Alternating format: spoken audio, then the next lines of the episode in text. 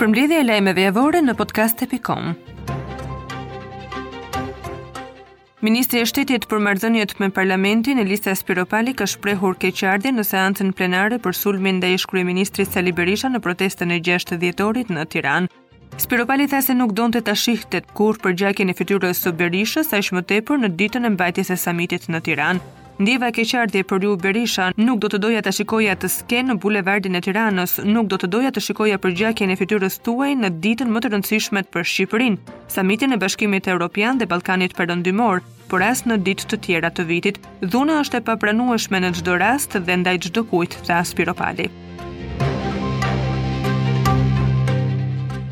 Në mbyllje të vitit kur Tirana mbajti titullin kryeqyteti europian i rinis, kryebashkiaku Erion Veliaj priti në takim kryebashkiakun e Mykonos, Konstantinos Koukas. Ata diskutuan për suksesin që Tirana pati si kryeqyteti europian i rinisë dhe për projektet e përbashkëta që përfshijnë gjeneratën e re, Kryebashkiaku solli në vëmendje faktin se në fushën e turizmit, Tirana dhe të rinjtë e saj kanë shumë për të mësuar nga puna që bëhet në Mikonos. Prokuroria pranë gjykatës së shkallës së parë në Tiranë ka vendosur sekuestrimin e pasurive të bashkëshortes së Admir Murataj, i cili mbeti i vrarë gjatë grabitjes së Rinasit. Bashkëshortes së 47 vjeçarit, Albanës, i janë sekuestruar pasuri të paluajtshme me vlerë 2 milionë euro të dyshuara se janë përfituar nga veprimtaritë kriminale.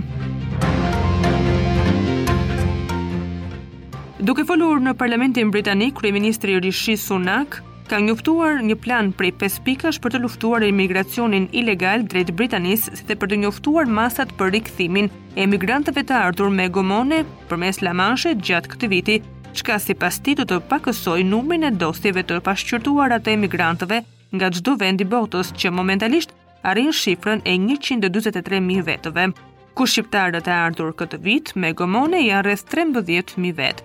Sipas Rishi Sunak, kupa u mbush. Në bazë të këtij plani, autoritetet britanike të Home Office do të vendosen në aeroportin e Rinasit të Tiranës për të bashkëpunuar me autoritetet lokale për të luftuar grupet e krimit të organizuar. Udhëzimet e reja do të jepen për ta vendosur Shqipërinë në listën e vendeve të sigurta nga ku nuk mund të kërkohet azil duke rritur pragun që dikush të cilësohet si viktimë e skllavërisë moderne. Një garanci e dhënë sipas mediave britanike nga Shqipëria autoriteteve britanike se Tirana zyrtare do të mbrojë njerëzit që vërtet janë të rrezikuar.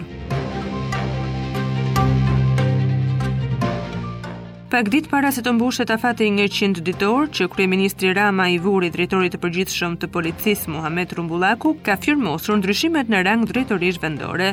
Tonin Vocaj aktualisht zëvendës drejtor i përgjithshëm emërohet drejtor i policisë së Tiranës duke zëvendësuar Lorenc Panganikën, i cili shkon në Akademinë e Policisë. Ermal Muça emërohet drejtor i policisë në Vlorë, Niko Brahimaj emërohet drejtor i policisë në Fier, Ervin Hodaj emërohet drejtor i policisë në Shkodër. Muhamet Rumbullaku u emërua drejtor i përgjithshëm i policisë në muajin shtator pas shkarkimit të Gledis Nanos me argumentin se nuk kishte përmbushur detyrat.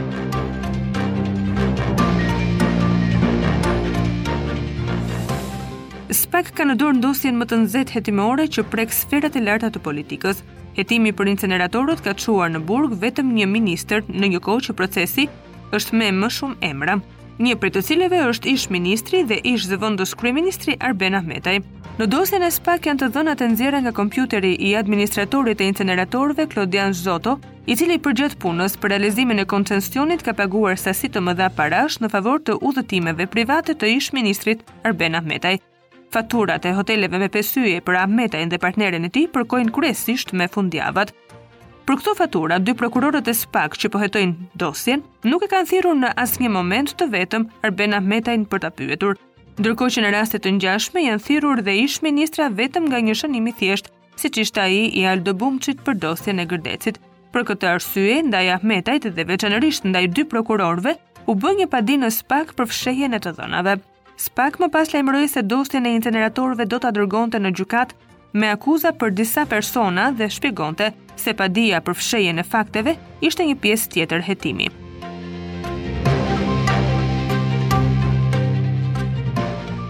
Altin Dumani do të jetë pasuesi i Arben Krajës në krye të prokurorisë së posaçme. Pas mbledhjes e cila zgjati rreth 6 orë, anëtarët e KLP-së votuan për të çuar në krye të Prokurorisë së Posaçme prokurorin Altin Dumani.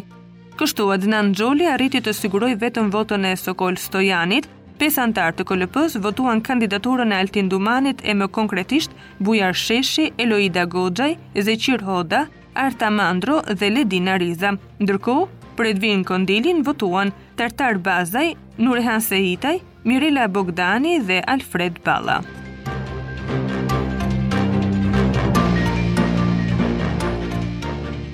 Një borxh prej 1 milion lekësh të reja ka qenë shkaku i vrasjes së 61 vjeçarit Ndue Kurt Deda në vitin 2017. Marieta dhe Besmir Karaj nënë e bir akuzohen nga policia si autorët e ngjarjes së rëndë bashkë me shokun e tyre Gazmir Ngota. Gazmir Ngota tashmë i arrestuar ka pranuar para hetuesve se ka qenë natën e vrasjes së Mendu Kurtdedës me shokun e tij Besmirin dhe pretendon se të gjitha veprimet i ka bërë ai. Besmiri e lidhi Mendun në trungun e një peme me zinxhir që mbante në makinë me qëllim që ai të mos lëvizte dhe e spërkati me benzinë nga koka tek këmbët, ndërkohë që Menduja në atë moment vetëm rënkonte.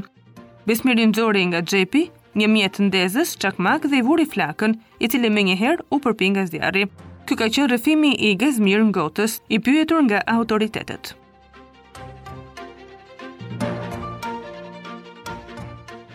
Një 49 vjeçar ka mbetur viktimë e një atentati me armë zjarri në një lokal në zonën e Selitës në Tiranë.